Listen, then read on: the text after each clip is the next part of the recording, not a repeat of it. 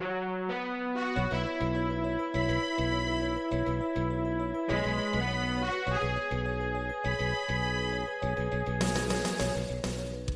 listening to Radio Free Asia.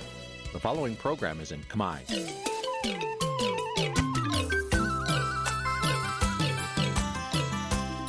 Nǐ chi càm bi tiệp xáy vệt chiu a zì sê ray នេះជាកម្មវិធីផ្សាយរបស់ Vithu Azisari ជាភាសាខ្មែរ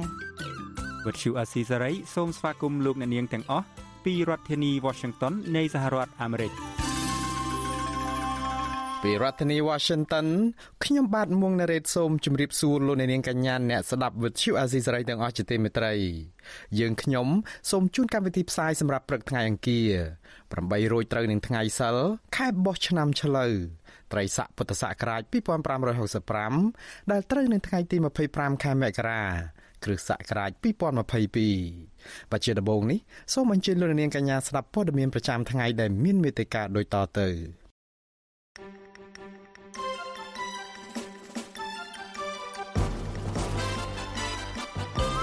អ្នកវិភាគថាបរដ្ឋាភិបាលចង់ស្ដារប្រជាធិបតេយ្យ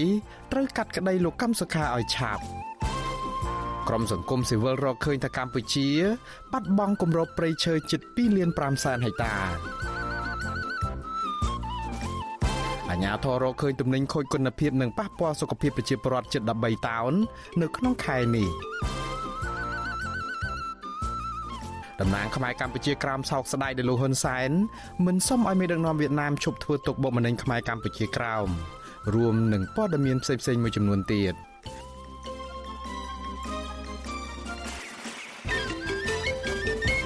បជាបន្តទៅទៀតនេះខ្ញុំបាទមុងណារ៉េតសូមជូនព័ត៌មានពិស្ដា បាទលោកនាងជាទីមេត្រីអ្នកវិភាគនយោបាយព្យាករថាតឡាកានឹងមិនពន្យារឿងក្តីលោកកម្មសខាទៀតទេគឺនឹងបញ្ចប់សំណុំរឿងប្រធានគណៈបកប្រឆាំងរូបនេះនៅក្នុងពេលឆាប់ឆាប់នេះលោកបណ្ឌិតសេងសារីបានលើកហេតុផលមួយចំនួន ដែលតឡាការអាចកាត់ក្តីបញ្ចប់សំណុំរឿងលោកកម្មសុខានៅក្នុងពេលឆាប់ឆាប់នេះដោយសារតែរដ្ឋាភិបាលចង់បង្ហាញឲ្យសហគមន៍អន្តរជាតិមើលឃើញទៅកម្ពុជា បានងាកមករកគន្លងប្រជាធិបតេយ្យឡើងវិញជាដើម។ តើមានមូលហេតុអ្វីផ្សេងទៀតដែលជំរុញឲ្យតឡាការអាចនឹងបញ្ចប់រឿងក្តីលោកកម្មសុខានៅក្នុងពេលឆាប់ឆាប់នេះសូមលោកនាង រងចាំស្ដាប់បទសម្ភាសន៍រវាងលោកទីនសាការីយ៉ានិងអ្នកខ្លាំមើលផ្នែកការអភិវឌ្ឍសង្គមលោកបណ្ឌិតសេងសេរីអំពីបញ្ហានេះនៅក្នុងការផ្សាយរបស់យើងនាពេលបន្តិចទៀតនេះបាទសូមអរគុណ បាទលោកអ្នកស្ដាប់ជាទីមេត្រី កម្ពុជាបាត់បង់គម្របព្រៃឈើជិត2លាន5សែនហិកតានៅក្នុងចន្លោះឆ្នាំ2001និងឆ្នាំ2020ឬស្មើនឹងប្រមាណ28%នៃគម្របព្រៃឈើសរុបគិតចាប់តាំងតែពីឆ្នាំ2000មក ទន្ទឹមនឹងការបាត់បង់នេះកម្ពុជាបានបញ្ចេញឧស្ម័នពុលកាបូនិករហូតដល់ទៅជិត1500លានតោន។ គ្រាន់តែនៅក្នុងឆ្នាំ2020កម្ពុជាបានបាត់បង់គម្របព្រៃឈើនៅក្នុងដែនជម្រកសត្វព្រៃរហូតដល់ជិត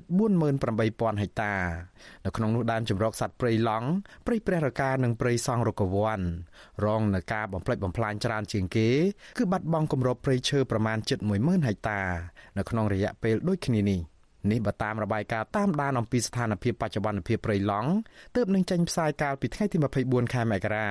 ដោយបណ្ដាញសហគមន៍ព្រៃឡង់និងសាកលវិទ្យាល័យ Copenhagen នៃប្រទេសដាណឺម៉ាកពទ្យុអាស៊ីសេរីនៅមិនទាន់អាចតកតងណែនាំពាក្យក្រសួងបរិស្ថានលោកលៀតភក្ត្រាដើម្បីសូមអធិប្បាយជំវិញការរកឃើញនៃការបាត់បង់គម្របព្រៃឈើដ៏សម្បើមនៅក្នុងរយៈពេលចុងក្រោយនេះបាននៅឡើយទេគិតមកត្រឹមថ្ងៃទី24ខែមករា របាយការណ៍ដដែលរកឃើញថាសហគមន៍នានាដែលរស់នៅក្នុងនិងជុំវិញតំបន់ការពារព្រៃទាំងនេះគឺជាអ្នកទទួលរងនូវផលប៉ះពាល់មុនគេបង្អស់ពីការបាត់បង់គម្របព្រៃឈើនេះនេះគឺដោយសារតែជីវភាពរស់នៅរបស់ពួកគាត់ពឹងផ្អែកលើអនុផលព្រៃឈើការប្រមូលជ័រទឹកនិងកត្តាប្រែប្រួលអាកាសធាតុដែលប៉ះពាល់ដល់ដំណាំកសិផលរបស់ពួកគាត់ជាដើម។ របាយការណ៍ក៏បានលើកឡើងដែរថាក្រៅតែពីទទួលរងនូវផលប៉ះពាល់ទាំងនេះសហគមន៍ក៏រងនឹងការរឹតបន្តឹងសិទ្ធិសេរីភាពនៅក្នុងការបញ្ចេញមតិនៅពេលដែលពួកគាត់ចង់រាយការណ៍អំពីការបំផ្លិចបំផ្លាញព្រៃឈើនេះដល់អាជ្ញាធររដ្ឋាភិបាលចាប់ពីឆ្នាំ2020មកសហគមន៍នឹងបណ្ដាញឃ្លាំមើលព្រៃឈើជាច្រើននៅកម្ពុជានៅក្នុងនោះរួមមានទាំងបណ្ដាញសហគមន៍ព្រៃឡង់ផងត្រូវបានរដ្ឋាភិបាលហាមប្រាមមិនឲ្យចូលល្បាតតំបន់ព្រៃការពារ សមាជិកនៃសហគមន៍ទាំងនេះភ ieck ច្រើនបានទទួលរងនឹងការចាប់ខ្លួនរត់ចោលផ្ទះសម្បែងដើម្បីរក្សាសុវត្ថិភាពផ្ទាល់ខ្លួននិងខ្លះទៀតត្រូវប្រឈមទៅនឹងការគំរាមសម្លាប់ជាដើមដោយសារតែសកម្មភាពល្បាតព្រៃរបស់ពួកគាត់របាយការណ៍គូបញ្ជាក់ទៀតថារដ្ឋាភិបាលកម្ពុជានិងក្រសួងបរិស្ថាននៅតែបន្តបដិសេធភ័ស្តុតាងអំពីបទល្មើសព្រៃឈើដោយដែលបានរកឃើញដោយក្រុមអ្នកកាសែតអង្គការសង្គមស៊ីវិលជាតិនិងអន្តរជាតិ កាលពីខែមិថុនាឆ្នាំ2021កន្លងទៅសហរដ្ឋអាមេរិកតាមរយៈទីភ្នាក់ងារសម្រាប់ការអភិវឌ្ឍអន្តរជាតិ USAID របស់ខ្លួនបានប្រកាសផ្តាច់ជំនួយដល់ស្ថាប័នរដ្ឋាភិបាលក្រោមគម្រោងព្រៃឡង់បៃតងដោយសារតែពិនិត្យឃើញថាមានការកាប់បំផ្លាញព្រៃឈើនិងការធ្វើទុកបុកម្នេញឥតស្រាកស្រានពីសំណាក់អាជ្ញាធររដ្ឋាភិបាលមកលើសហគមន៍មូលដ្ឋាននិងអង្គការសង្គមស៊ីវិលដែលចូលរួមការពារព្រៃឡង់ របាយការណ៍ដដែលក៏បានគូបញ្ជាក់ឡើងវិញអំពីរបបកំហើញសំខាន់សំខាន់មួយចំនួនដោយដែលត្រូវបានរកឃើញតាមរយៈការស្រាវជ្រាវដ៏ធំពីររបស់អង្គការស្បៀងអាហារពិភពលោកនៃអង្គការសហប្រជាជាតិនិងមូលនិធិ Norway សម្រាប់ព្រៃត្រូពិកកាលពីឆ្នាំ2021ការសិក្សាស្រាវជ្រាវទាំងពីរនេះបានសន្និដ្ឋានជារួមថាប្រជាពលរដ្ឋជនជាតិដើមភាគតិចគឺជាអ្នកអភិរក្សព្រៃឈើយ៉ាងមានប្រសិទ្ធភាពដូច្នេះការផ្ដល់មូលនិធិដោយផ្ទាល់ទៅដល់ពួកគាត់ឲ្យបានច្រើន និងជួយគាំទ្រដល់កិច្ចខិតខំប្រឹងប្រែងរបស់ពួកគាត់ដើម្បីអភិរក្សព្រៃត្រូពិចនៅលើពិភពលោក។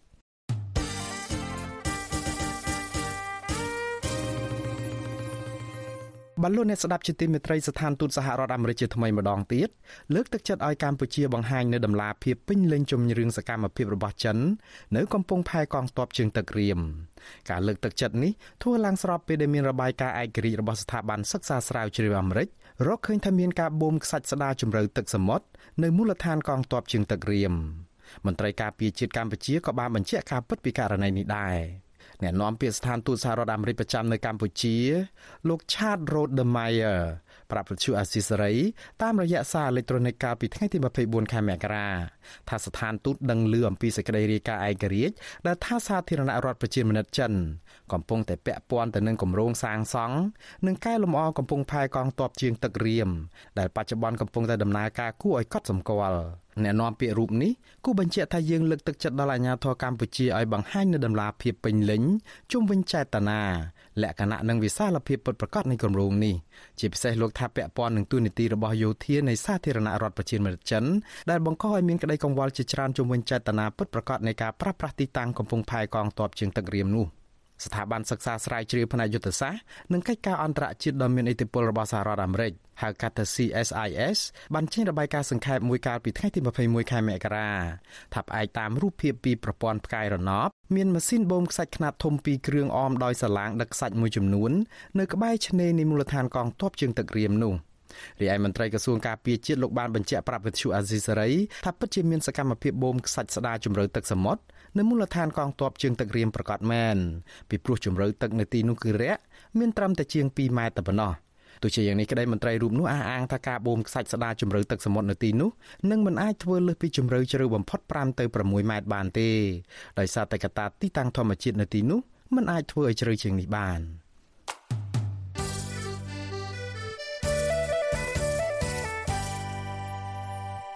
បាទលោកនាងជាទីមេត្រីក្រុមគ្រួសារសាច់ញាតិបានស្នើដល់តុលាការក្រុងភ្នំពេញឲ្យដោះលែងថ្នាក់ដឹកនាំសហជីព Naga World ទាំង8នាក់ឲ្យមានសេរីភាពឡើងវិញដោយគ្មានលក្ខខណ្ឌពីព្រោះពួកគាត់គ្មានកំហុសដោយការចោទប្រកាន់នោះទេអង្គការសង្គមស៊ីវិលចាត់ទុកការធ្វើកុដកម្មដោយសន្តិវិធី និងអហិង្សាដើម្បីស្វែងរកដំណោះស្រាយនៅកន្លែងការងារ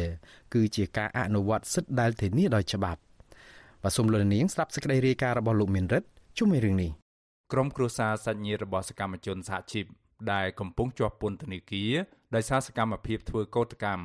ទាមទាររកដំណោះស្រាយការងារពីក្រុមហ៊ុន Nagawal និងពីតុលាការឲ្យដោះលែងសាច់ញាតិរបស់ពួកគាត់ឲ្យមានសេរីភាពឡើងវិញដោយឥតលក្ខខណ្ឌប្អូនស្រីសកម្មជនសហជីព Nagawal កញ្ញាឈឹមសុខន គឺកញ្ញាឈឹមច័ន្ទនារីប្រាប់វិសុវអេស៊ីស្រីនៅថ្ងៃទី24ខែមករាថាបងស្រីកញ្ញា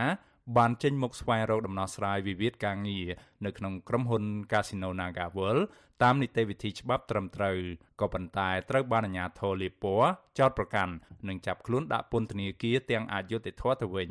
ប្អូនស្រីសកម្មជនសហជីពរូបនេះឲ្យដឹងទៀតថាក្រុមគ្រួសាររបស់កញ្ញាកំពុងព្រួយបារម្ភពីបងស្រីជាខ្លាំងអំពីស្ថានភាពនៅក្នុងពន្ធនាគារដោយសារតែពួកគាត់មិនទាន់បានជួបនិងសួរសុខទុក្ខនៅឡើយទេ កញ្ញាស្នើឲ្យតុលាការដោះលែងតំណាងសហជីពទាំងអស់ឲ្យមានសេរីភាពឡើងវិញដើម្បីចូលតុចរចាស្វែងរកដំណោះស្រាយបញ្ចប់វិវាទការងាររវាងកម្មករនិងថៅកែនេះ។សូមឲ្យខាងតឡាការឬក៏ប្រញ្ញា ទម្លាក់ការចោទប្រកាន់ពួកគាត់ហើយវិលទៅរកការចរចាដើម្បីបញ្ចប់ចំនួនរវាងនយោជកហើយនយោជកយើងគួរតែងាកទៅរកតុចរចាដើម្បីដោះស្រាយការងារនឹងអញ្ចឹងយើងអត់គួរ យើងយកអាជ្ញាធរមកឬក៏យើងយកប្រព័ន្ធតឡាការមកគៀបសង្កត់ក្នុងការតស៊ូបញ្ចេញមតិនិងសេរីភាពរបស់ពួកគាត់ឯងបងសញ្ញិតសកម្មជនសហជីព Casino Nagawal កំពុងជាប់ឃុំផ្សេងទៀតក៏ស្នើឲ្យតុលាការដោះលែងបងប្អូនរបស់ពួកគាត់ឲ្យមានសេរីភាពឡើងវិញដែរប្អូនប្រុសរបស់សកម្មជនសហជីព Nagawal លោកស្រីរីសវណ្ឌីគឺលោករីពីតា ឲ្យដឹងថាបងស្រីរបស់លោកបានតស៊ូនិងបញ្ចេញមតិលើករណីវិវាទការងាររវាងកម្មករនិងក្រុមហ៊ុន Casino NagaWorld នាពេលកន្លងមកនេះមិនមែនជាបទញុះញង់ដោយតាមការចោទប្រកាន់របស់អាជ្ញាធរនិងតុលាការនោះទេលោកយល់ថាមូលហេតុគឺដោយសារតែអាជ្ញាធរ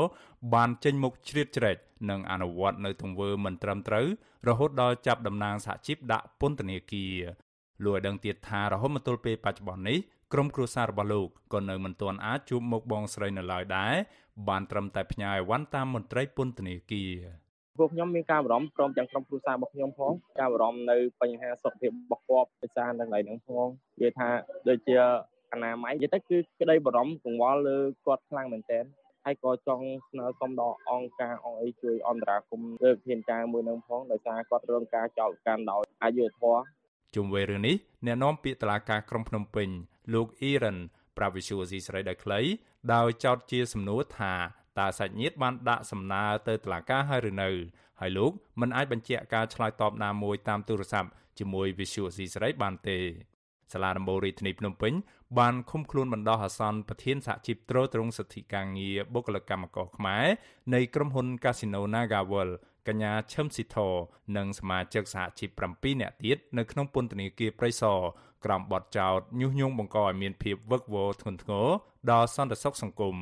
ក៏ត្រឹមថ្ងៃទី21ខែមករាពួកគេបានជាប់ឃុំនៅក្នុងពន្ធនាគារព្រៃសរអស់រយៈពេល25ថ្ងៃមកហើយប្រធានសមាគមការពារសិទ្ធិមនុស្សអាត6លោកនីសុខាថ្លែងថាក្រុមអង្គការសង្គមស៊ីវិលក៏កំពុងធ្វើយុទ្ធនាការតាមបណ្ដាញសង្គម Facebook ជាបន្តបន្ទាប់ដោយទាមទារឲ្យអាជ្ញាធរ ត្រូវតែដោះលែងថ្នាក់ដឹកនាំនិងសមាជិកសហជីពទាំង8នាក់ជាបន្ទាន់និងដោយគ្មានលក្ខខណ្ឌលោកនីសុខាបញ្ជាក់ថាការចេញធ្វើកោតកម្មរបស់កម្មករ Casino NagaWorld គឺជាការអនុវត្តសិទ្ធិដែលធានាដោយស្របច្បាប់ដើម្បីទាមទាររកដំណោះស្រាយការងារលោកថាការដែលប្រើប្រាស់ប្រព័ន្ធតុលាការចាប់និងឃុំខ្លួនតំណាងសហជីពដាក់ពន្ធនាគារ ដើម្បីដាក់សម្ពាធនៅក្នុងគោលដៅបង្ខិតបង្ខំឲ្យក្រុមកោតករបោះបង់ចោលការទៀមទានិងអនុវត្តតាមការចង់បានរបស់ក្រុមហ៊ុន Casino NagaWorld មិនមែនជាដំណោះស្រាយត្រឹមត្រូវនោះទេផ្ទុយទៅវិញលោកថារឿងនេះកាន់តែចម្រូងចម្រាសទៅវិញទេ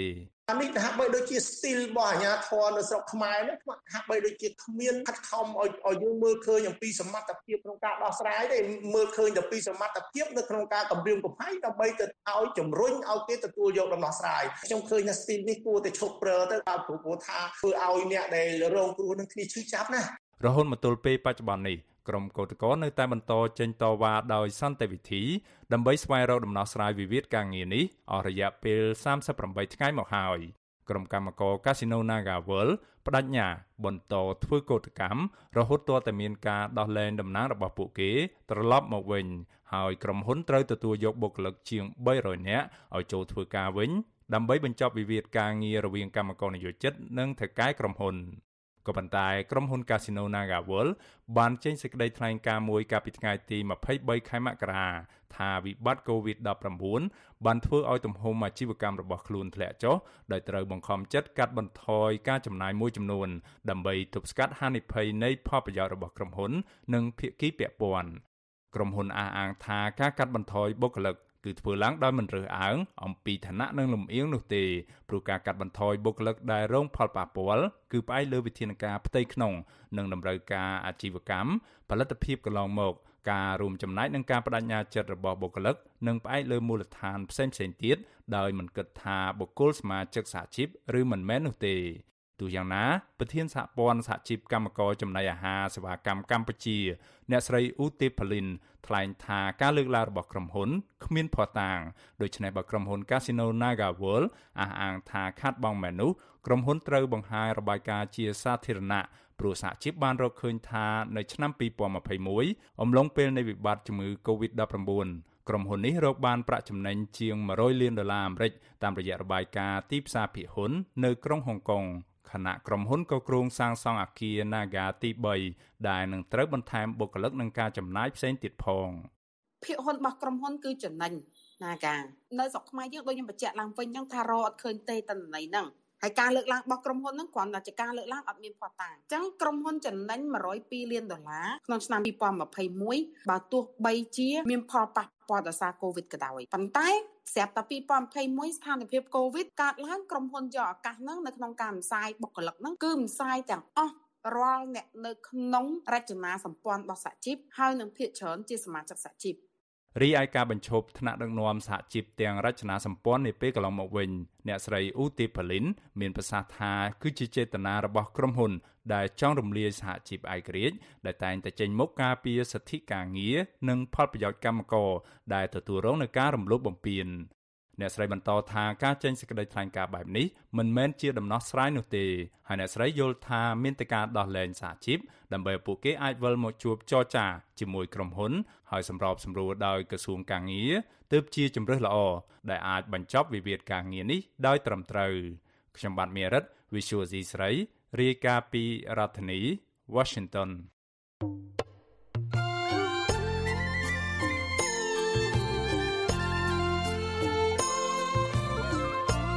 បាទលោកនាងជាទីមេត្រី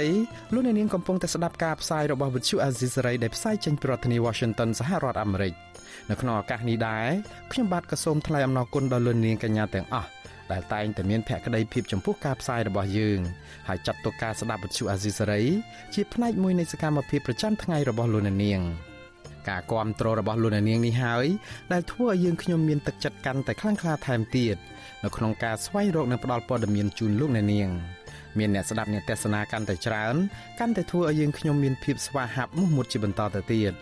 យើងខ្ញុំសូមអរគុណទុកជាមុនហើយសូមអញ្ជើញលោកនាងកញ្ញាចូលរួមជំរុញឲ្យសកម្មភាពផ្តល់ព័ត៌មានរបស់យើងនេះកាន់តែជោគជ័យបន្ថែមទៀត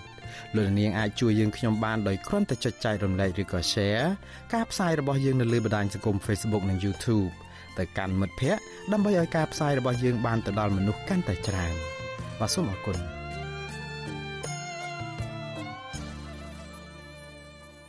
បាទលោកនាងជាទីមេត្រីនៅឯខេត្តរតនគិរីឯណោះតឡាការខេត្តនេះរងការរិះគន់ថាបានបណ្តែតបណ្តោយឲ្យមានការកាប់បំផ្លាញព្រៃឈើអស់រាប់ពាន់ហិកតា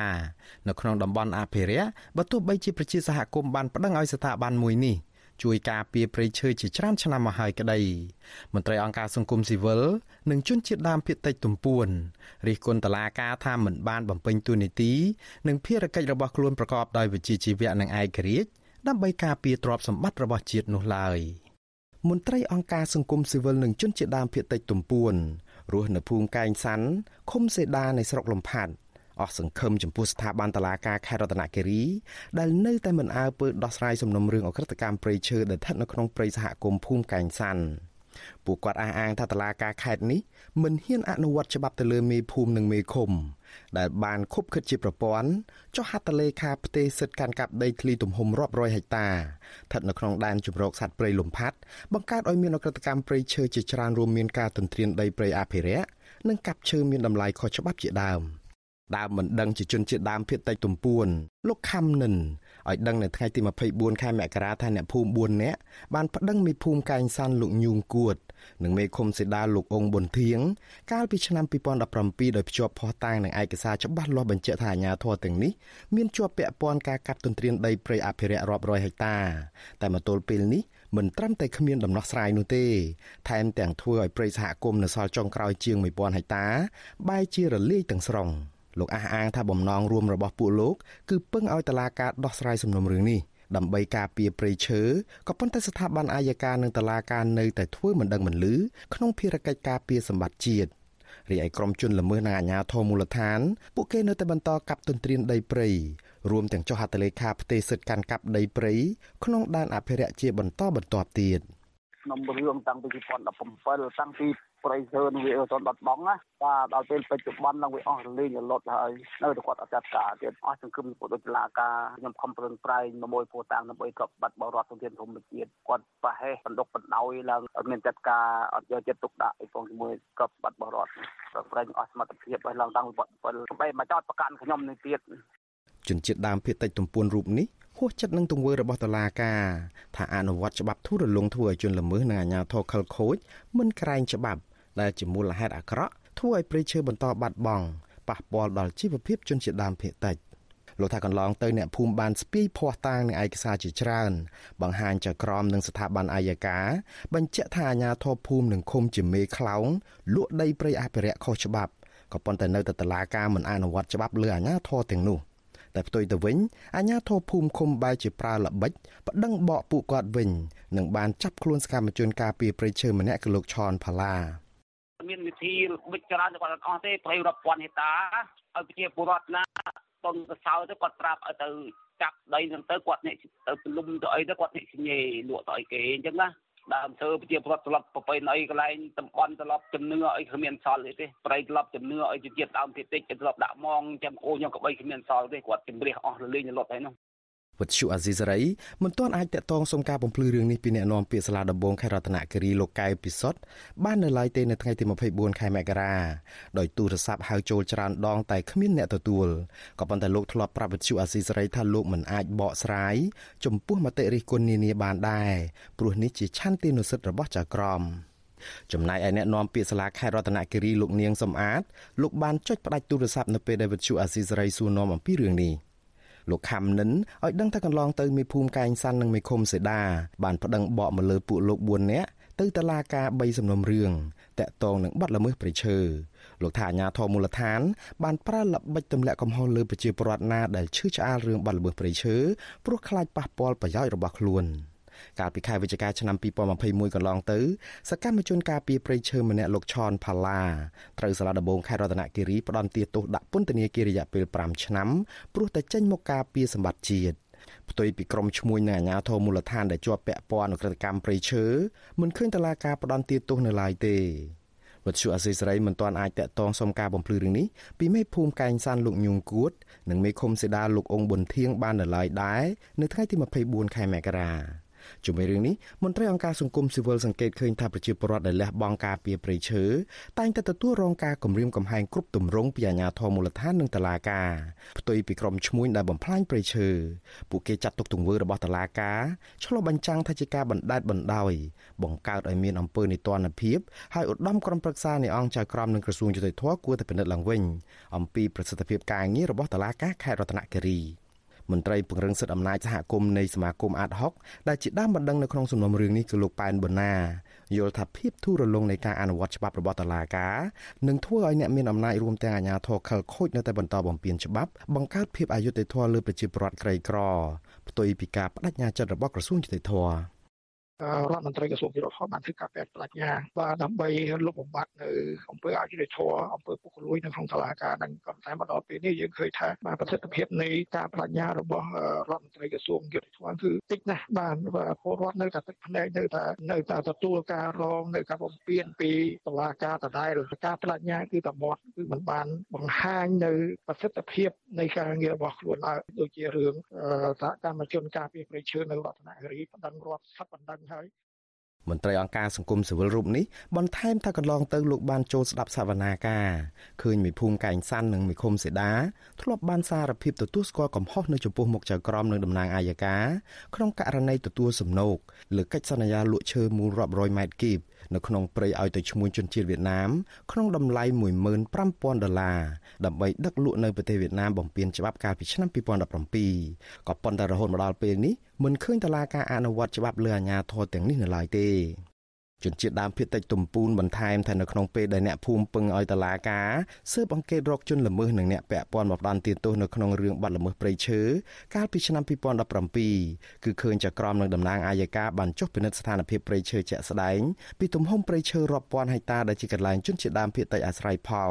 នៅក្នុងដែនជំរកសត្វព្រៃលំផាត់ដែលត្រូវបានអាជ្ញាធរមូលដ្ឋានខុបខិតគ្នាពុះលក់បែបអនាធិបតេយ្យក៏ប៉ុន្តែតឡាការគ្មានវិធានការទប់ស្កាត់បាត់ល្មើសព្រៃឈើនោះទេផ្ទុយទៅវិញព្រៃសហគមន៍ភូមិកាញ់សាន់បែរជាបាត់បង់ទាំងស្រុងនៅរយៈពេលជាង3ឆ្នាំចុងក្រោយនេះព្រៃសហគមន៍ភូមិកាញ់សាន់គឺជាផ្នែកមួយនៃដែនជម្រកសត្វព្រៃលំផាត់មានផ្ទៃដីជាង4000ហិកតាគឺជាព្រៃនៅសល់ចុងក្រោយធំជាងគេនៅក្នុងចំណោមទំហំព្រៃទាំងមូលស្ថិតនៅក្នុងដែនជម្រកសត្វព្រៃលំផាត់រាប់ម៉ឺនហិកតានៅក្នុងខេត្តរតនគិរីជនជាតិដើមភាគតិចអះអាងថាព្រៃអភិរក្សមួយនេះបានបាត់បង់ស្ទើរតែទាំងស្រុងសូម្បីតែបឹង អូនិងត្រពាំងក៏រីងស្ងួតហួតហែងអស់ដោយសារតែបាត់បង់ទំហំព្រៃឈើនេះ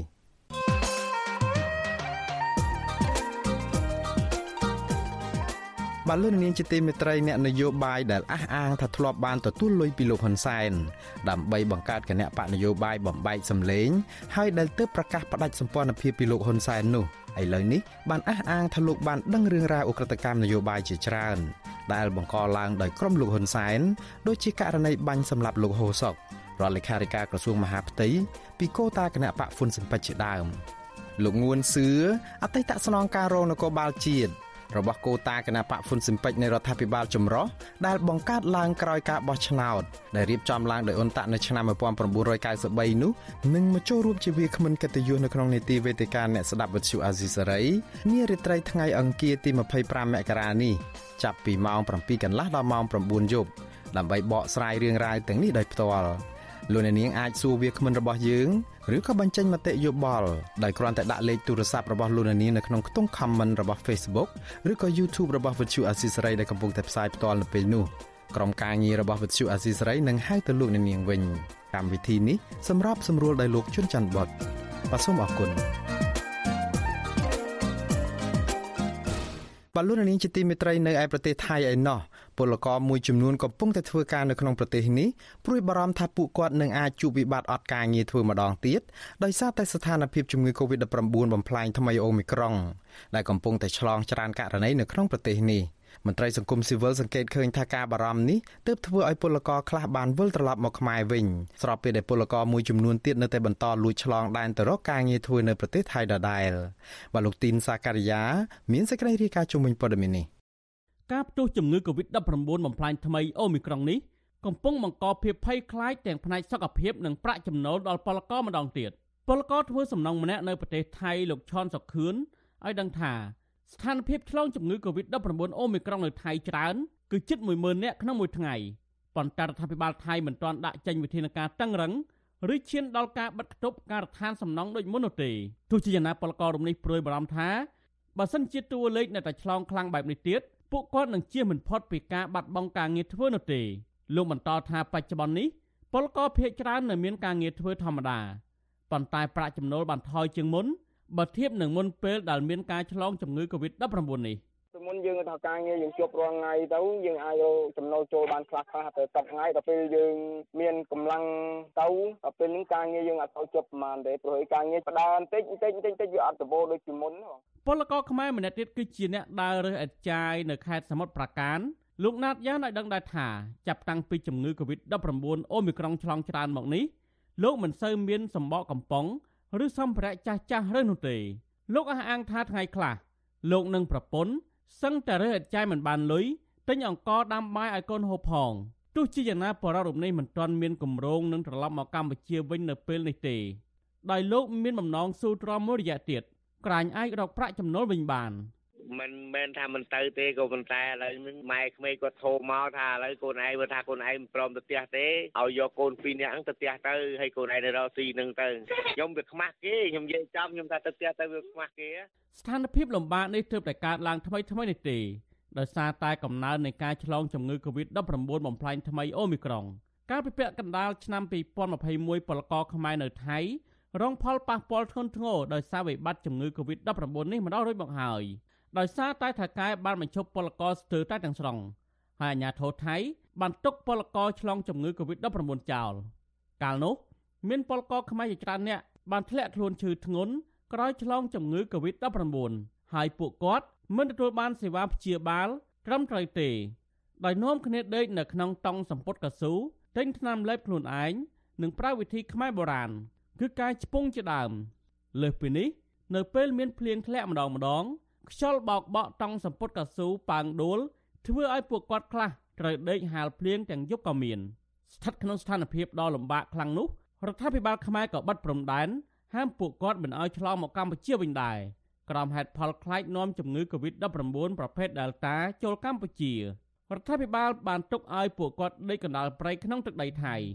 វិទ្យុអាស៊ីសេរីមិនអាចសុំការបញ្ជាក់ពីស្ថានភាពពលករនឹងការឆ្លងជំងឺ Covid-19 ពីខាងមន្ត្រីស្ថានទូតខ្មែរប្រចាំនៅប្រទេសថៃបានទេនៅថ្ងៃទី24មករាតែយ៉ាងណាទំព័រ Facebook របស់ស្ថានទូតចុះផ្សាយថាក្រុមអនុព័ន្ធការងារអមស្ថានទូតកម្ពុជា តែងតែចុះជួបសំណេះសំណាលនិងសាកសួរសុខទុក្ខពលករខ្មែរកំពុងធ្វើការនៅប្រទេសថៃនិងបានអប់រំពន្យល់ណែនាំអំពីបំរាមច្បាប់ការគាំពៀនិងសិទ្ធិអត្ថប្រយោជន៍ផ្សេងផ្សេងដែលពលករស្របច្បាប់ត្រូវទទួលបានប៉ុន្តែក្រុមពលករលើកឡើងថាថកែថៃ មិនបានអនុវត្តកាតព្វកិច្ចផ្ដល់អត្ថប្រយោជន៍ជូនពួកគាត់នោះទេក្នុងអំឡុងពេលជំងឺ Covid-19 ឬក្នុងពេលបាត់គប់នោះជុំវិញនឹងករណីនេះដែរមន្ត្រីសង្គមស៊ីវិលខ្លមមើលសិទ្ធិពលករនៅថៃព្រួយបារម្ភថាពលករនឹងអាចជួបវិបត្តិគ្មានការងារធ្វើឬរងផលប៉ះពាល់សុខភាពម្ដងទៀត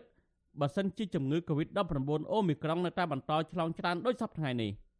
មន្ត្រីសិទ្ធិការងារនៃអង្គការសង្ត្រលប្រចាំនៅប្រទេសថៃលោកលឹងសុផុនសង្កេតឃើញថា អ្វីត្បិតតែស្ថានភាពជំងឺ Covid-19 អូមីក្រុងមិនទាន់ផ្ដល់ផលប៉ះពាល់ធ្ងន់ធ្ងរដូចមុនមែនតែពលករខ្លះបានរៀងចាលនិងខ្លះទៀតចាប់ផ្ដើមធុញទ្រាន់នឹងស្ថានភាពអស់បន្លាយនៃជំងឺ Covid-19 ដោយពួកគាត់មានបំណងចង់វិលទៅកម្ពុជាវិញលោកបន្តថារយៈពេលប្រមាណថ្ងៃចុងក្រោយនេះមានពលករខ្មែរច្រើនបានត្រឡប់ទៅកម្ពុជាវិញប៉ុន្តែនៅទន្ទឹមនឹងនេះ ពលករផ្សេងទៀតក៏កំពុងតែរកគ្រប់មធ្យោបាយដើម្បីលួចឆ្លងដែនខុសច្បាប់មករកការងារធ្វើនៅក្នុងប្រទេសថៃវិញដែរ។អំឡុងពេលនេះវាប៉ះពាល់ដែរតែមិនដូចនៅក្នុងអំឡុងពេលខែ9ខែ10កន្លងមកដោយសារតាមិនត្រឹមតែរោគកូវីដទេថែមទាំងលិចទឹកលិចអីចឹងនៅតំបន់ទំនាបខ្លះដូចជាខាងរយងខាងសមុទ្រប្រការពលករដែលធ្វើការសំណង់នឹងភាគច្រើនលិចទឹកអញ្ចឹងមិនត្រឹមតែផ្អាកការងារហើយមានទាំងការលិចទឹកអញ្ចឹងធ្វើឲ្យពួកគាត់នឹងខ្វះខាតហើយជីវភាពពួកគាត់ក៏លំបាក របាយការណ៍របស់រដ្ឋបាលខេត្តឧត្តរមានជ័យបង្ហាញថាកាលពីថ្ងៃទី23មករាមានពលករជាង200នាក់បានឆ្លងដែនតាមច្រកអូស្មាច់ត្រឡប់ពីប្រទេសថៃក្នុងនោះអាជ្ញាធររកឃើញពលករ2នាក់ឆ្លងជំងឺ Covid-19 ចំណែកពលករដែលលួចឆ្លងដែនចូលទៅទឹកដីថៃវិញក៏មានចំនួនច្រើនដែរក្រុមពលករដែលបានលួចឆ្លងដែនចូលក្នុងទឹកដីថៃឲ្យដឹងថាក្នុងមួយថ្ងៃមួយថ្ងៃ មានពលរដ្ឋខ្មែររាប់រយនាក់លួចចូលឆ្លងដែនពីកម្ពុជាចូលទឹកដីថៃដើម្បីស្វែងរកការងារធ្វើតែមានប្រមាណជា10នាក់ប៉ុណ្ណោះអាចលួចចូលបានពួកគាត់ថាក្នុងករណីប៉ូលីសខ្មែរឬខាងថៃពួនស្ទាក់ចាប់បានពួកគាត់ត្រូវចាប់បញ្ជូនវិលទៅកម្ពុជាវិញក្រុមពលករទាំងនោះរកវិធីឬផ្លូវថ្មីលបចូលម្ដងទៀតពួកគាត់អះអាងថាបច្ចុប្បន្នតម្លៃនាំផ្លូវដើរឆ្លងដែនពីខ្មែរទៅថៃម្នាក់ប្រមាណជា9000បាត ឬប្រហែលនឹង300ដុល្លារសហរដ្ឋអាមេរិកខ្ញុំទីនសាការីយ៉ាអសិរ័យប្រធានីវ៉ាស៊ីនតោន បលូននាងជាទីមេត្រីងាកមកព័ត៌មានអំពីស្ថានភាពរីករាលដាលនៃជំងឺ Covid-19 នៅក្នុងប្រទេសកម្ពុជាក្រសួងសុខាភិបាលរកឃើញជំងឺ Covid-19 ចំនួន40ករណីថ្មីទៀតកាលពីថ្ងៃម្សិលមិញដែលករណីថ្មីទាំងនេះសុទ្ធតែជាមេរោគបំផ្លាញថ្មីប្រភេទ Omicron ដែលក្នុងនោះ15នាក់ជាករណីនាំចូលនិងចំនួន25នាក់ទៀតជាករណីឆ្លងនៅក្នុងសហគមន៍នេះជាលទ្ធផលដែលបញ្ជាក់ដោយម៉ាស៊ីនពិសោធន៍ PCR រហូតមកដល់ពេលនេះកម្ពុជាមានករណីអ្នកផ្ទុកមេរោគអូមីក្រុងជិត600នាក់ដែលនៅក្នុងនោះ214អ្នកឆ្លងនៅក្នុងសហគមន៍គិតមកត្រឹមថ្ងៃទី24ខែមករាកម្ពុជាមានអ្នកកើតជំងឺ Covid-19 ប្រមាណ120,000នាក់នៅក្នុងនោះអ្នកជាសះស្បើយមានជាង110,000នាក់និងអ្នកស្លាប់មានចំនួន3015នាក់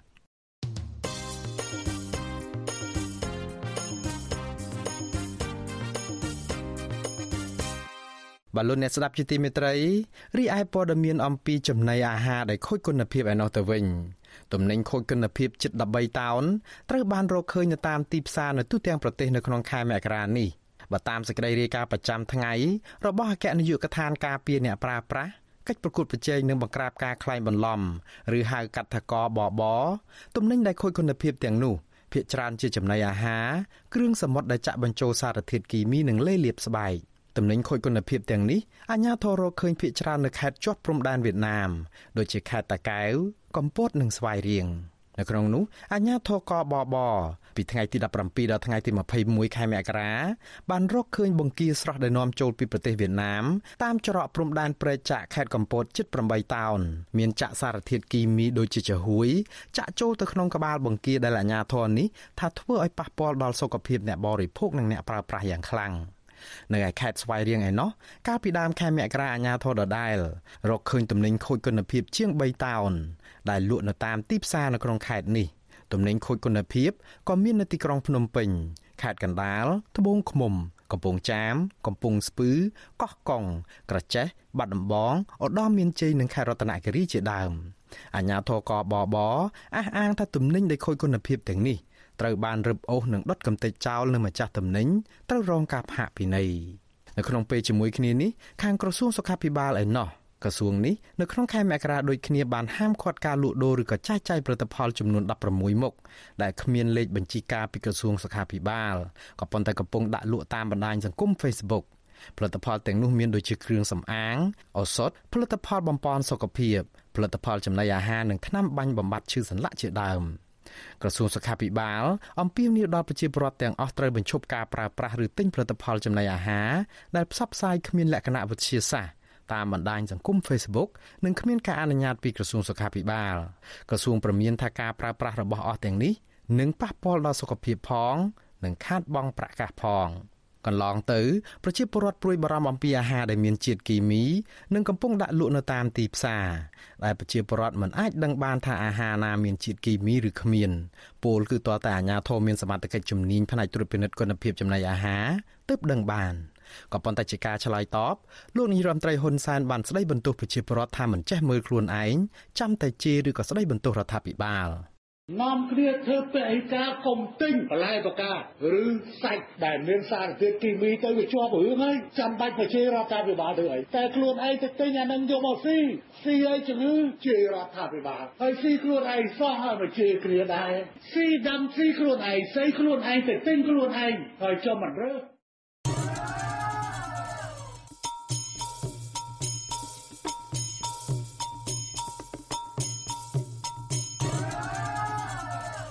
បាទលោកនាងជាទីមេត្រីលោកនាងក៏អាចស្ដាប់ការផ្សាយរបស់វិទ្យុអាស៊ីសេរីដែលផ្សាយដំណើរគ្នានឹងការផ្សាយតាមបណ្ដាញសង្គម Facebook និង YouTube នេះតាមរយៈរលកធារកាសខ្លីឬក៏ Shortwave ពេលព្រឹកចាប់ពីម៉ោង5កន្លះដល់ម៉ោង6កន្លះតាមរយៈរលកធារកាសខ្លី9390 kHz ស្មើនឹងកម្ពស់ 32m និង11850 kHz ស្មើនឹងកម្ពស់ 25m ពេលយប់ចាប់ពីម៉ោង7កន្លះដល់ម៉ោង8កន្លះតាមរយៈរលកធារកាសខ្លី9390 kHz ស្មើនឹងកម្ពស់ 32m និង15155 kHz ស្មើនឹងកម្ពស់ 20m បាទសូមអរគុណ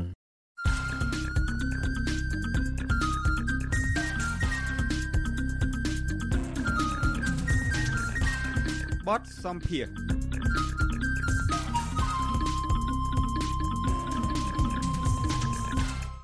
បលូននាងជាទីមេត្រីអ្នកវិភាគនយោបាយព្យាករថាតឡាការនឹងមិនបញ្ជារឿងក្តីលោកកម្មសខាទៀតទេគឺនឹងបញ្ចប់សំណុំរឿងរបស់ប្រធានគណៈបកប្រឆាំងរូបនេះនៅក្នុងពេលឆាប់ៗនេះ លោកបណ្ឌិតសេងសេរីបានលើកពីហេតុផលមួយចំនួនដែលតឡាការអាចកាត់ក្តីបញ្ចប់សំណុំរឿងលោកកម្មសខានៅក្នុងពេលឆាប់ៗនេះដោយសារតែរដ្ឋាភិបាលចង់បង្ហាញឲ្យសហគមន៍អន្តរជាតិមើលឃើញថាកម្ពុជាបានងាកមករកកន្លងប្រជាធិបតេយ្យឡើងវិញជាដើម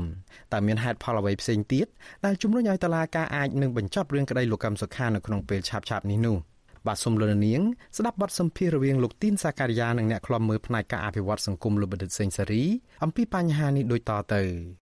សំណុំរឿងលោកកម្មសខានេះតាមលោកដែលខ្លំមើលទៅពីការវិវត្តនយោបាយចុងក្រោយនេះលោកមើលឃើញបែបណាតើសំណុំរឿងនេះនឹងបញ្ចប់នៅពេលណាទៅបាទសូមចេញបើយើងមើលថ្មីថ្មីយើងឃើញមានសញ្ញាណពីក្រសួងយុទ្ធភ័ពតាមរយៈអ្នកនាំពាក្យក្រសួងយុទ្ធភ័ពហ្នឹងថាសំណុំរឿងសង្គ្រោះជាតិហើយសំណុំរឿងលោកកឹមសុខាហ្នឹងដាច់ពីគ្នាមានន័យថាការរំលាយសង្គ្រោះជាតិហ្នឹងគឺមិនពាក់ព័ន្ធជាមួយនឹងលោកកឹមសុខាទេដូច្នេះនេះវាជាសញ្ញាណមួយដែលខ្ញុំគិតថាករណីរបស់លោកកឹមសុខាហ្នឹងអាចនឹងទទួលបានសេរីភាពទទួលបានយុត្តិធម៌ឆាប់ឆាប់នេះឥឡូវនេះវាគៀកនឹងការបោះឆ្នោតគុំសង្កាត់ផងហើយគណៈបកកណ្ដាលអំណាចក៏ត្រូវការដៃគូនៅក្នុងការប្រកួតប្រជែងក្នុងសួនប្រជាធិបតេយ្យដែលខ្លួនបានរៀបចំផងបាទយើងមើលទៅឥឡូវហ្នឹងខាងគណៈបកដែលប្រកួតប្រជែងហ្នឹងគឺមានច្រើនគឺចេញពីតំណាងរាស្ត្រអតីតតំណាងរាស្ត្រគណៈបកសង្គ្រោះជាតិផងបានទៅបង្កើតគណៈបកជាបន្តបន្ទាប់ តើអ្វីជាហេតុផល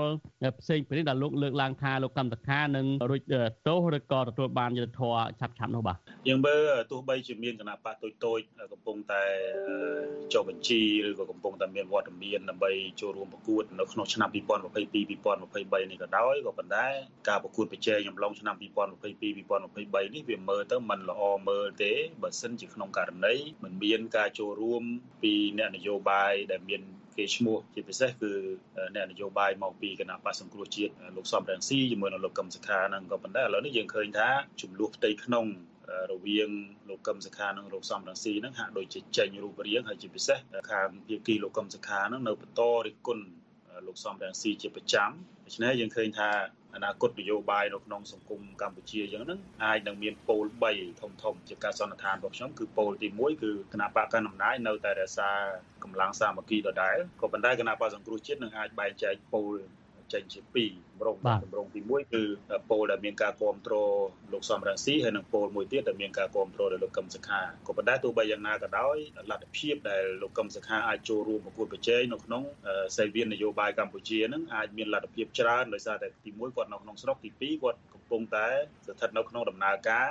នៃការកាត់ទោសក៏ប៉ុន្តែដោយឡែកលទ្ធភាពដែលចូលរួមប្រកួតប្រជែងរបស់លោកសំរងស៊ីនឹងមានតិចតួចមែនទែនដោយសារតែគាត់ត្រូវបានតុលាការកាត់ទោសនឹងជាងបើយើងរាប់ត្រួសត្រាសទៅជាប់ទោសនឹងប្រមាណជាជាង40ឆ្នាំទៅហើយដូច្នេះហើយ យ៉ាងហោចណាស់ក៏ត្រូវតែមានភាគីមួយក្នុងចំណោម2គឺមានន័យថារវាងលោកកឹមសុខានិងលោកសំរងស៊ីត្រូវតែអនុញ្ញាតឲ្យមានការចូលរួមនៅក្នុងការនៅក្នុងសេវានបោះឆ្នោតឆ្នាំ2022 2023ដើម្បីធ្វើម៉េចឲ្យអន្តរជាតិមើលឃើញថារដ្ឋាភិបាលអាចងាកមករកកន្លងប្រជាធិបតេយ្យវិញឆ្លើយតបទៅនឹងការទៀមទារបស់អន្តរជាតិផងដែលទៀមទាលោកកឹមសុខាមានសិទ្ធិសេរីភាពឯជាដើមនេះជាជាសេណារីយ៉ូនឹងអាចកើតឡើងឆ្នាំ2022 2023នេះបាទ បើក្នុងករណីដែលតឡាការនឹងបញ្ចប់សំណុំរឿងលោកកម្មសខាក្នុងពេលឆាប់ឆាប់ឬក៏ឲ្យលោកកម្មសខាមានសេរីភាពដើម្បីវិលចូលឆានយោបាយវិញតើជាសេណារីយ៉ូរបស់លោកកម្មសខាទៅវិញតើលោកកម្មសខាប្រកាសទេថាដើរនៅក្នុងកន្លងដែលលោកហ៊ុនសែនចង់បាននេះបើយើងមើលអំពីប្រវត្តិថយក្រោយបន្តិចឆ្នាំ97បន្ទាប់ពីរដ្ឋប្រហារហ្នឹងការបែកបាក់នៅក្នុងកម្លាំងរបស់ហ៊ុនពេជ្រហើយទៅបង្កើតគណៈបកអីច្រើនផ្សេង ដែរហើយក៏មានការចូលរួមបោះឆ្នោតបោះឆ្នោតទៅប៉ុន្តែការអនុវត្តលទ្ធិប្រជាធិបតេយ្យនិងការគោរពសិទ្ធិមនុស្សនីតិរដ្ឋហ្នឹងនៅតែមិនមានល្អដដែលនឹងក្នុងដំណាក់កាលនេះវិញផ្អែកលើបទពិសោធន៍ដែលពុនពេជ្រដែលមានហើយការបំបាយបំបាក់ដែលចេញពីកម្លាំងប្រឆាំងនឹងគណៈបកកណ្ដាលអំណាចហ្នឹងតើលោកកឹមតខាប្រកាសជាដើរតាមសេណារីយ៉ូដែលលោកហ៊ុនតារីបនេះដែរទេបាទ យើងអត់ទាន់មានផុសតាងណាមួយដែលបញ្ជាក់ថាលោកកឹមសុខាដើរតាមសេណារីយ៉ូដែលលោកយករដ្ឋត្រីហ៊ុនសែនរៀបនោះទេក៏ប៉ុន្តែអ្វីដែលខ្ញុំមើលឃើញថាដំណើរនយោបាយរបស់លោកកឹមសុខាហ្នឹងគឺកំពុងតែធ្វើដំណើរនៅលើមាគ៌ាមួយដែលគ្មានលោកសំរងស៊ីដូច្នេះហើយខ្ញុំធ្លាប់បានផ្ដល់នៅសេណារីយ៉ូ3សេណារីយ៉ូទី1គឺនយោបាយរបស់លោកកឹមសុខា នៅតែបន្តរក្សាឈរលើមូលដ្ឋានសំរងស៊ីកឹមសខាតែមួយក៏ប៉ុន្តែសេណារីយ៉ូមួយនេះហាក់ដូចជាកំពុងតែលិចបដាបដាហើយគឺมันអាចទៅរួចដោយសារតែសញ្ញាណចុងក្រោយនេះគឺហាក់ដូចជាมันអាចទៅរួចជាមួយគ្នាទេអញ្ចឹងកឹមសខាសំរងស៊ីហ្នឹងគឺมันដឹងថាអាចនៅតែមួយឬក៏ទៅជាពីរទេសេណារីយ៉ូទី2ខ្ញុំបានលើកឡើងហើយថាដំណើរនៃជីវិតនយោបាយរបស់លោកកឹមសុខា គឺអាចនឹងคล้ายទៅជាមេសម្ព័ន្ធនៃគណៈបកតូចតូច ជាពិសេសហ្នឹងគឺគណៈបកដែលមានដែលមាននិន្នាការគ្រប់គ្រងគាត់ឬក៏ជាអតីតអ្នកសហការីរបស់គាត់ដែលបច្ចេកចេញចេញទៅបង្កើតគណៈបកហ្នឹងអញ្ចឹងហើយគាត់អាចទៅជាមេសម្ព័ន្ធនៃគណៈបកតូចតូចនោះហើយសេណារីយ៉ូទី3ហ្នឹងគឺស្ថានភាពបច្ចុប្បន្ននេះខ្ញុំឃើញអាចមានលទ្ធភាពច្រើនមែនតើគឺអានេះបើសិនជាជាការវិភាគរបស់ខ្ញុំអាចខុសក៏ប៉ុន្តែខ្ញុំមើលឃើញថានៅពេលដែលលោកកឹមសុខាមានសេរីភាពប្រហែលជាសង្គ្រោះជាតិអាចរស់ឡើងវិញហើយសង្គ្រោះជាតិរស់ឡើងវិញនេះគឺរស់ដោយមិនមានលោកសំរងស៊ីទេគឺជាសង្គ្រោះជាតិដែលដឹកនាំដោយលោកកឹមសុខាឬក៏ក្រុមលោកកឹមសុខាតែមួយហើយដែលរាល់ថ្ងៃនេះយើងឃើញថាកម្មជននៅនៅជុំវិញលោកកឹមសុខាហ្នឹងតែងតែប្រើសារថាសំរងស៊ីក្បត់កឹមសុខាហើយសំរងស៊ីក្បត់សង្គ្រោះជាតិហើយដូច្នេះមានន័យថាចេតនានេះកំពុងតែព្យាយាម ទាញយកសង្គ្រោះជាតិមកតែឯងហើយរុញសង្គ្រោះជាតិឲ្យចូលប្រកួតប្រជែងប៉ុន្តែมันមានការដឹកនាំឬក៏សហការជាសហការដឹកនាំជាមួយនឹងលោកសំរងស៊ីទេគឺលោកសុកកឹមសុខាដឹកនាំតែម្នាក់ឯងសម្រាប់គណៈបកសង្គ្រោះជាតិអញ្ចឹងពលដែលនឹងត្រូវចូលរួមប្រកួតប្រជែងនៅក្នុងការបោះឆ្នោតឆ្នាំ2022-2023នេះចូលមានគណៈបកដែលគួរចាប់អារម្មណ៍មាន3ធំធំបាទទី1គឺគណៈបកកាន់អំណាចគឺគណៈបកប្រជាជនហើយគណៈបកសង្គ្រោះជាតិដែលដឹកនាំដោយលោកកឹមសុខាគ្មានលោកសំរងស៊ីហើយនៅគណៈបកភ្លើងទៀនដែលយើងសង្ស័យថាមានការគ្រប់គ្រងឬក៏ជាអ្នកដែលមានដែលជាសំរងស៊ីនិយមនោះក៏ប៉ុន្តែយើងយើងចាំមើលទាំងអស់គ្នាថាតើសេណារីយ៉ូដែលខ្ញុំលើកឡើងចុងក្រោយនេះវាអាចទៅរួចប៉ុណ្ណាបាទអរគុណលោកដិតសេនស៊ូរីចំណុចតកតងនឹងការបាច់បាក់នេះបើសិនជាអ្វីដែលលោកបានលើកឡើងបើសិនជាលោកកម្មសខាបាច់បាក់ពីលោកសំស៊ីទៅគឺសំណុំរឿងនេះនឹងអាចឆាប់លោកកម្មសខាអាចវិលដឹកនាំគណៈបកសង្គ្រោះជាតិឡើងវិញបើប៉ុន្តែបើយើងមើលថយក្រោយវិញកាលពីឆ្នាំ2017បើខ្ញុំចាំមិនច្រឡំទេ លោកហ៊ុនសែនបានថ្លែងនៅក្នុងសភាថាអូនសន្យាមួយបង3ថ្ងៃហើយ3ថ្ងៃអូនមិនធ្វើតាមថាក៏ចាប់លោកកម្មសខាដាក់គុកតែម្ដងកន្លងមកនេះយើងមើលឃើញថាចំហរបស់លោកកម្មសខាហាក់នៅតែរឹងមាំហើយនៅតែចាប់ដៃលោកសំរងស៊ីដដែលដែលតើចំណុចនឹងយ៉ាងម៉េចដល់មកទល់ពេលតើវាអាចនឹងមានអ្វីផ្លាស់ប្ដូរលោកដិតសេនស៊ូរីបាទខ្ញុំសូមធ្វើការសន្និដ្ឋានបែបនេះទេខ្ញុំមើលឃើញថាជីវិតនយោបាយរបស់លោកកឹមសុខា បើសិនជាក្នុងករណីងាកចេញពីសម្ព័ន្ធភាពលោកសំរងស៊ីណាងាកចេញពីសម្ព័ន្ធភាពកឹមសុខាសំរងស៊ីតែមួយលោកកឹមសុខានឹងធ្លាក់ចូលដំណាក់កាលមួយគេហៅចុះទឹកកំពើឡើងលើខ្លាមានន័យថាទោះបីជាគាត់បានសង្គ្រោះជាតិរស់ឡើងវិញក៏ដោយក៏ជីវិតនយោបាយរបស់សង្គ្រោះជាតិហ្នឹងគឺឬក៏ជីវិតនយោបាយរបស់លោកកឹមសុខាហ្នឹងគឺមិនខុសពីគុណចិនពេជ្រទេក៏ប៉ុន្តែបើសិនជាក្នុងករណីសង្គ្រោះជាតិមិនរស់ឡើងវិញហើយលោកកឹមសុខាមានសេរីភាពហើយលោកកឹមសុខានៅតែបន្តដើរចេញពីសម្ព័ន្ធភាពសំរងស៊ីកឹមសុខាទៅដឹកនាំគណៈបកណាមួយឬក៏ទៅដឹកនាំសម្ព័ន្ធគណៈបកតូចតូចណាមួយក៏ដោយក៏ជីវិតនយោបាយរបស់គាត់ក៏ពិបាកនឹងបន្តដំណើរទៅទៀតដែរដូច្នេះច្រកដែលល្អបំផុតសម្រាប់លោកកឹមសុខាហ្នឹងគឺនៅរក្សាសម្ព័ន្ធភាពជាមួយនឹងលោកសំរងស៊ីដើម្បីធានាដំណើរផ្លូវវែងឆ្ងាយនៃការតស៊ូរយុទ្ធធម៌មិនតែសម្រាប់ខ្លួនឯងទេគឺរយុទ្ធធម៌សម្រាប់សង្គ្រោះជាតិផងហើយជាតំណាងឲ្យអ្នកនយោបាយដែលស្វែងរកយុទ្ធធម៌ពិតប្រាកដមិនមែនមានន័យថាគ្រាន់តែរកយុទ្ធធម៌សម្រាប់ខ្លួនឯងហើយបង្កើតអំពើអយុត្តិធម៌ឲ្យអ្នកដទៃទេអាហ្នឹងអានេះហើយដែលជាដែលខ្ញុំគិតថាក្នុងករណីដែលលោកកឹមសុខាបែកពីលោកសំរងស៊ីគាត់អត់មានជំរឿអីក្រៅតែពីចូលដំណាក់កាលមួយគឺជាដំណាក់កាលគេហៅថាធ្វើនយោបាយចុះទឹកកពើឡើងលើខ្លាតែប៉ុណ្ណោះបាទខ្ញុំបាទសូមអរគុណច្រើនលោកដិតសេនស៊ូរីសូមជម្រាបលាបាទជម្រាបលាបាទបលូននាងទើបបានស្ដាប់បទសម្ភាសន៍រវាងលោកទីនសាការីយ៉ានិងលោកបដិទ្ធសេងសេរីអំពីការព្យាករថាតឡាការអាចនឹងបញ្ចប់រឿងក្តីលោកកឹមសុខានៅក្នុងពេលឆាប់ឆាប់នេះបើរដ្ឋាភិបាលចង់បង្ហាញសហគមន៍អន្តរជាតិថាខ្លួនចង់ស្ដារសិទ្ធិមនុស្សនិងប្រជាធិបតេយ្យឡើងវិញ។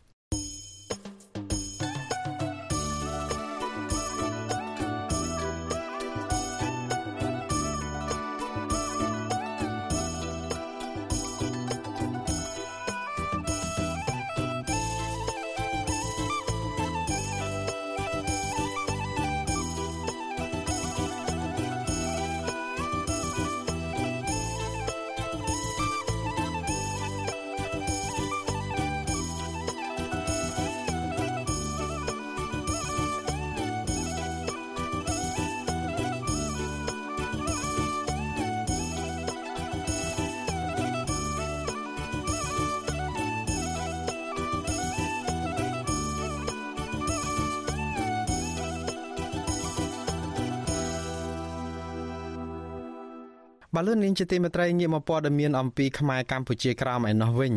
អង្គការនិងសមាគមខ្មែរកម្ពុជាក្រោមនៅក្នុងស្រុកនិងក្រៅស្រុកនាំគ្នាសម្ដែងការសោកស្ដាយដល់រដ្ឋាភិបាលលោកនាយរដ្ឋមន្ត្រីហ៊ុនសែនខកខានមិនបានស្នើសុំឲ្យមានដឹកនាំជាន់ខ្ពស់វៀតណាមគោរពសិទ្ធិ ជំនឿសាសនានិងកុំឲ្យធ្វើទុកបុកម្នេញខ្មែរកម្ពុជាក្រោមដែលកំពុងរស់នៅលើទឹកដីកំណើតរបស់ខ្លួនប្រតិកម្មរបស់អង្គការនិងសមាគមខ្មែរកម្ពុជាក្រោមនេះធ្វើឡើងបន្ទាប់ពីប្រតិភូរដ្ឋាភិបាលវៀតណាមនិងកម្ពុជាទើបបានជួបគ្នាកាលពីពេលថ្មីៗនេះនៅកម្ពុជាភាគីវៀតណាមអះអាងថាវៀតណាមកំពុងតែស្វែងរកវិធីដើម្បីសុំឲ្យកម្ពុជាអនុញ្ញាតឲ្យប្រជាពលរដ្ឋខ្លួនរស់នៅស្របច្បាប់នៅកម្ពុជាលោកយុនសមៀនមានសេចក្តីរាយការណ៍ជំវិញព័ត៌មាននេះ មន្ត្រីជាន់ខ្ពស់សហគមន៍ខ្មែរកម្ពុជាក្រោមហួសចិត្តដែលកម្ពុជាមិនបានគិតគូរពីសុខទុក្ខរបស់ពលរដ្ឋខ្មែរក្រោមរស់នៅលើទឹកដីកំណើតដែលកំពុងរងការធ្វើទុកបុកម្នេញគ្រប់វិស័យពីសំណាក់រដ្ឋាភិបាលវៀតណាមនាយកប្រតិបត្តិសហគមន៍ខ្មែរកម្ពុជាក្រោមលោកថៃសិដ្ឋាប្រាប់វិទ្យុអេស៊ីសេរីនៅថ្ងៃទី22មករាថារដ្ឋាភិបាលកម្ពុជាហាក់ខ្លាចចិត្តវៀតណាមមិនហ៊ានធ្វើសំណើឲ្យវៀតណាមគោរពសិទ្ធិមនុស្សខ្មែរក្រោមជាជនជាតិដើមនោះទេ វាបង្ហាញកាន់តែច្បាស់ថាយួននៅតែមានឥទ្ធិពលមកលើកម្ពុជាมันអាចប្រកែកបានលោកថៃសិដ្ឋាថាស្របពេលដែលរដ្ឋាភិបាលលោកហ៊ុនសែនខ្លាចចិត្តអ្នកមានគុណភាគីវៀតណាមវិញបានពឹងពាក់ឲ្យរដ្ឋាភិបាលខ្មែរជួយថែរក្សាជនអន្តោប្រវេសន៍វៀតណាមដែលរស់នៅស្របច្បាប់និងខុសច្បាប់នៅកម្ពុជា រដ្ឋាភិបាលកម្ពុជាដែលដឹកនាំដោយគណៈបកប្រជាជនកម្ពុជាមិនហ៊ានបដិសេធហើយថែមទាំងផ្ដល់ដីឲ្យជនអន្តោប្រវេសន៍វៀតណាមនៅតាមខេត្តជាប់បឹងទន្លេសាបទៀតផងការរិះគន់ថាកម្ពុជាហាក់នៅក្រោមឥទ្ធិពលវៀតណាមនេះធ្វើឡើងបន្ទាប់ពីមេដឹកនាំវៀតណាម កាលពីខែធ្នូបានសន្យាជួយដល់ពលរដ្ឋវៀតណាមដែលរស់នៅមិនស្របច្បាប់នៅកម្ពុជាឲ្យមានសិទ្ធិរស់នៅស្របច្បាប់ ប្រធានាធិបតីវៀតណាមលោកងៀនសួនហ្វុកកាលពីមកកម្ពុជាកាលពីខែធ្នូលើកឡើងថាគ្មានពលរដ្ឋណាដែលជួបបញ្ហាលំបាកខ្លាំងដូចជាពលរដ្ឋវៀតណាមនៅកម្ពុជានោះទេដោយសារតែពួកគេគ្មានលិខិតបញ្ជាក់ការរស់នៅស្របច្បាប់ដូចជាអត្តសញ្ញាណប័ណ្ណនិងលិខិតឆ្លងដែនជាដើមកាលពីដើមឆ្នាំ2021រដ្ឋាភិបាលកម្ពុជាបានប្រកាសគម្រោងផ្លាស់ទីលំនៅពលរដ្ឋដែលរស់នៅលើផ្ទះបណ្ដែតទឹក បែរចិញ្ចឹមត្រីនៅតាមដងទន្លេសាប ដើម្បីដោះស្រាយបញ្ហាបំពុលបរិស្ថាន បំផ្លាញគុណភាពទឹក និងប៉ះពាល់ដល់សុខភាពពលរដ្ឋខ្មែរពលរដ្ឋវៀតណាមមួយចំនួនចង់ទៅរស់នៅប្រទេសវៀតណាមវិញដែរតែអាញាធិបតេយ្យវៀតណាមមិនព្រមទទួលយក ដោយយកលេសអំពីការរាតត្បាតជំងឺ Covid-19 បច្ចុប្បន្នជនជាតិវៀតណាមទាំងនោះកំពុងរស់នៅលើទឹកទន្លេខ្មែរក្បែរព្រំដែននៅឡើយ កាលពីប្រមាណឆ្នាំមុនរដ្ឋាភិបាលកម្ពុជាក៏បានផ្ដល់ដីជាច្រើនរយហិកតាដល់ជនអន្តោប្រវេសន៍វៀតណាមឲ្យសង់លំនៅឋានរស់នៅក្នុងខេត្តកំពង់ឆ្នាំងក្រោយបណ្ដេញពួកគេចេញពីបឹងទន្លេសាបកាលពីសប្តាហ៍មុនរដ្ឋមន្ត្រីការបរទេសវៀតណាមលោកប៊ុយថាញ់សើងក៏បានបញ្ចប់ទស្សនកិច្ចនៅកម្ពុជាដែរ មន្ត្រីការបរទេសវៀតណាមនិងសមាភិកីខ្មែររបស់លោកបានជជែកអំពីសកម្មភាពបោះបង្គោលព្រំដែននិងកំណត់ខណ្ឌសីមាព្រំដែននៃប្រទេសទាំងពីរនិងបន្តដោះស្រាយការបោះបង្គោលព្រំដែនគូកដែលនៅមិនទាន់ដោះស្រាយ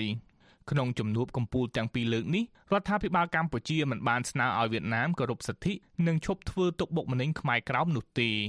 ពាក់ព័ន្ធទៅនឹងការធ្វើប្រងើយកន្តើយរឿងសិទ្ធិពលរដ្ឋខ្មែរក្រោមរបស់រដ្ឋាភិបាលកម្ពុជា ដឹកនាំដោយគណៈបកប្រជាជនកម្ពុជានេះលោកថៃសិដ្ឋាដែលជាប្រធានស្ដីទីគណៈបកភ្លើងទៀនផងនោះសន្យាថាប្រសិនបើគណៈបកប្រឆាំងឈ្នះឆ្នោតគណៈបកនេះនឹងយកចិត្តទុកដាក់ស្ថានភាពសិទ្ធិមនុស្សនៅទឹកដីកម្ពុជាក្រោមក្នុងនាមគណៈបកភ្លើងទៀនយើងយកចិត្តទុកដាក់ដល់ប្រជាពលរដ្ឋខ្មែរនៅគ្រប់ទិសទី មិនថានៅទីណាទេឲ្យតែប្រជាពលរដ្ឋខ្មែរគឺស្ថិតនៅក្នុងរដ្ឋធម្មនុញ្ញនៃប្រជាណាចក្រកម្ពុជាយើងត្រូវតែបានគាំពៀដោយរដ្ឋាភិបាលហើយជាពិសេសបងប្អូនជនរួមជាតិខ្មែរនៅកម្ពុជាក្រោមដែលលោកតស៊ូដើម្បីបុព្វហេតុជាតិមាតុភូមិទំនៀមទម្លាប់ពុទ្ធអសរសាសទាំងអស់នេះយើងត្រូវយកចិត្តទុកដាក់សំខាន់បំផុតគឺយើងត្រូវតែផ្ដល់ភាពកក់ក្ដៅដល់ពួកគាត់ ឆ្លើយតបទៅនឹងការលើកឡើងរបស់សហគមន៍ខ្មែរក្រោមនេះមន្ត្រីនាំពាក្យគណៈបកប្រជាជនកម្ពុជាលោកឈឹមផលវរុនអះអាងថារដ្ឋាភិបាលនិងគណៈបកប្រជាជនកម្ពុជា តែងគិតគូរដល់ពលរដ្ឋខ្មែរនៅក្រៅប្រទេសលោកថារដ្ឋាភិបាលមិនចង់កេងចំណេញនយោបាយដោយយករឿងការពារសិទ្ធិពលរដ្ឋខ្មែរនៅក្រៅប្រទេសមកប្រកាសជាសាធារណៈនោះទេវាមិនដែលរដ្ឋាភិបាលនៃប្រទេសណាមួយគេអត់គិតប្រជាជនគេទេ បើយើងឈរលើទស្សនៈហ្នឹងយើងអាចឲ្យតម្លៃទាំងអស់គ្នាហើយទី2សម្រាប់កម្ពុជាចរិតនយោបាយរបស់អ្នកនយោបាយខ្លះមានចរិតមិនល្អ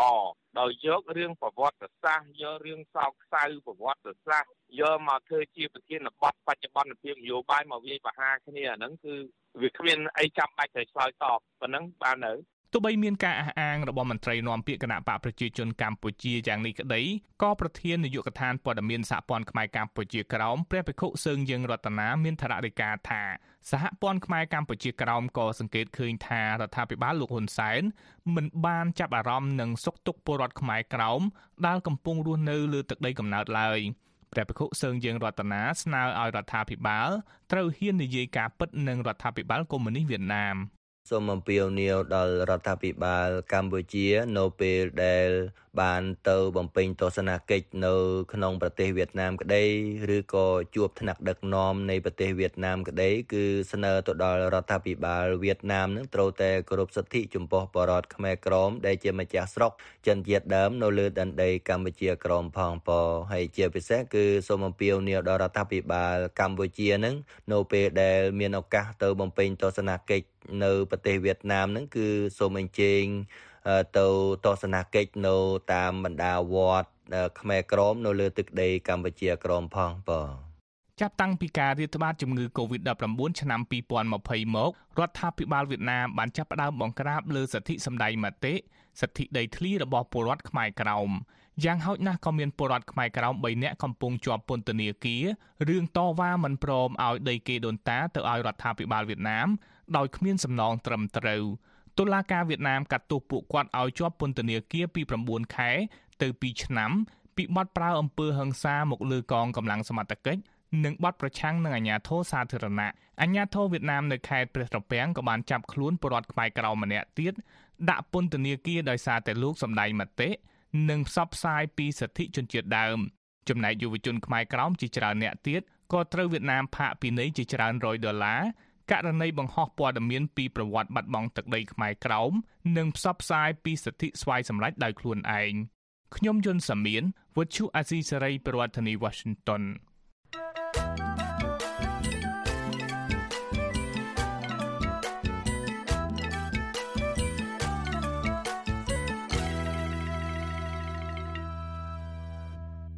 បលូននាងជាទីមេត្រីជាបន្តទៅទៀតនេះខ្ញុំបាទមុងណារ៉េតសូមជូនព័ត៌មានបញ្ចប់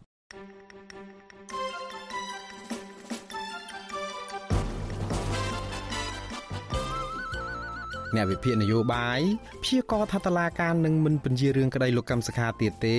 គឺនឹងបញ្ចប់សំណុំរឿងក្តីក្តាមប្រធានគណៈបកប្រឆាំងរូបនេះនៅក្នុងពេលឆាប់ៗនេះ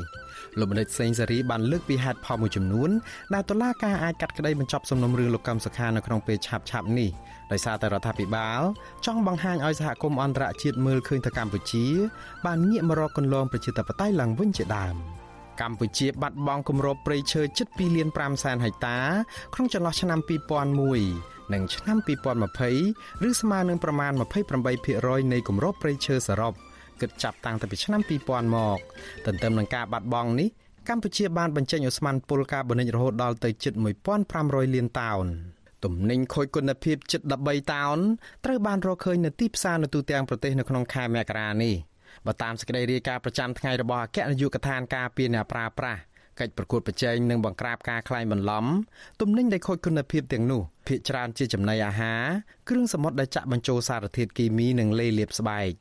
ទំនិញខូចគុណភាពទាំងនេះអាជ្ញាធររកឃើញភាគច្រើននៅខេត្តជាប់ព្រំដែនវៀតណាមដូចជាខេត្តតាកែវកំពតនិងស្វាយរៀង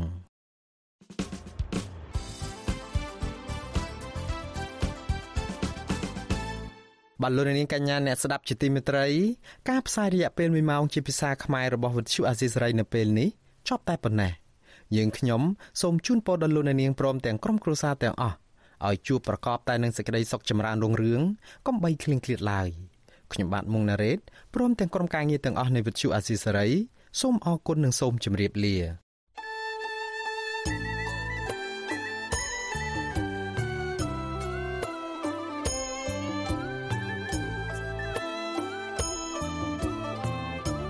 ទ្យុអាស៊ីសេរីផ្សាយតាមរលក ធាតុអាកាសខ្លីឬ short wave តាមកម្រិតនិងកម្ពស់ដូចតទៅនេះពេលព្រឹកចាប់ពីម៉ោង5កន្លះដល់ម៉ោង6កន្លះតាមរយៈរលក ធាតុអាកាសខ្លី9940 40 kHz ស្មើនឹងកម្ពស់ 30m ពេលយប់ចាប់ពីម៉ោង7កន្លះដល់ម៉ោង8កន្លះតាមរយៈរលក ធាតុអាកាសខ្លី9960 kHz ស្មើនឹងកម្ពស់ 30m និង11240 kHz ស្មើនឹងកម្ពស់ 25m លោកអ្នកនាងក៏អាចស្ដាប់ការផ្សាយផ្ទាល់តាមប្រព័ន្ធអ៊ីនធឺណិតដោយចូលទៅកាន់គេហទំព័រ www.rfa.org/ ខ្មែរក្រៅពីនេះលោកអ្នកនាងក៏អាចអាននិងទស្សនាព័ត៌មានវិទ្យុអាស៊ីសេរីលើទូរស័ព្ទដៃរបស់លោកអ្នកផ្ទាល់ សូមលោកអ្នកនាងចូលទៅកាន់បណ្ដាញសង្គម Facebook ដែលមានអាសយដ្ឋាន www.facebook.com/rfa cambodia និង YouTube www.youtube.com/rfa khmer video សូមលោកអ្នកនាងចុច like និងចុច Subscribe ដើម្បីទទួលបានព័ត៌មានថ្មីៗទាន់ហេតុការណ៍និងទស្សនាវីដេអូផ្សេងៗទៀតបានគ្រប់ពេលវេលា។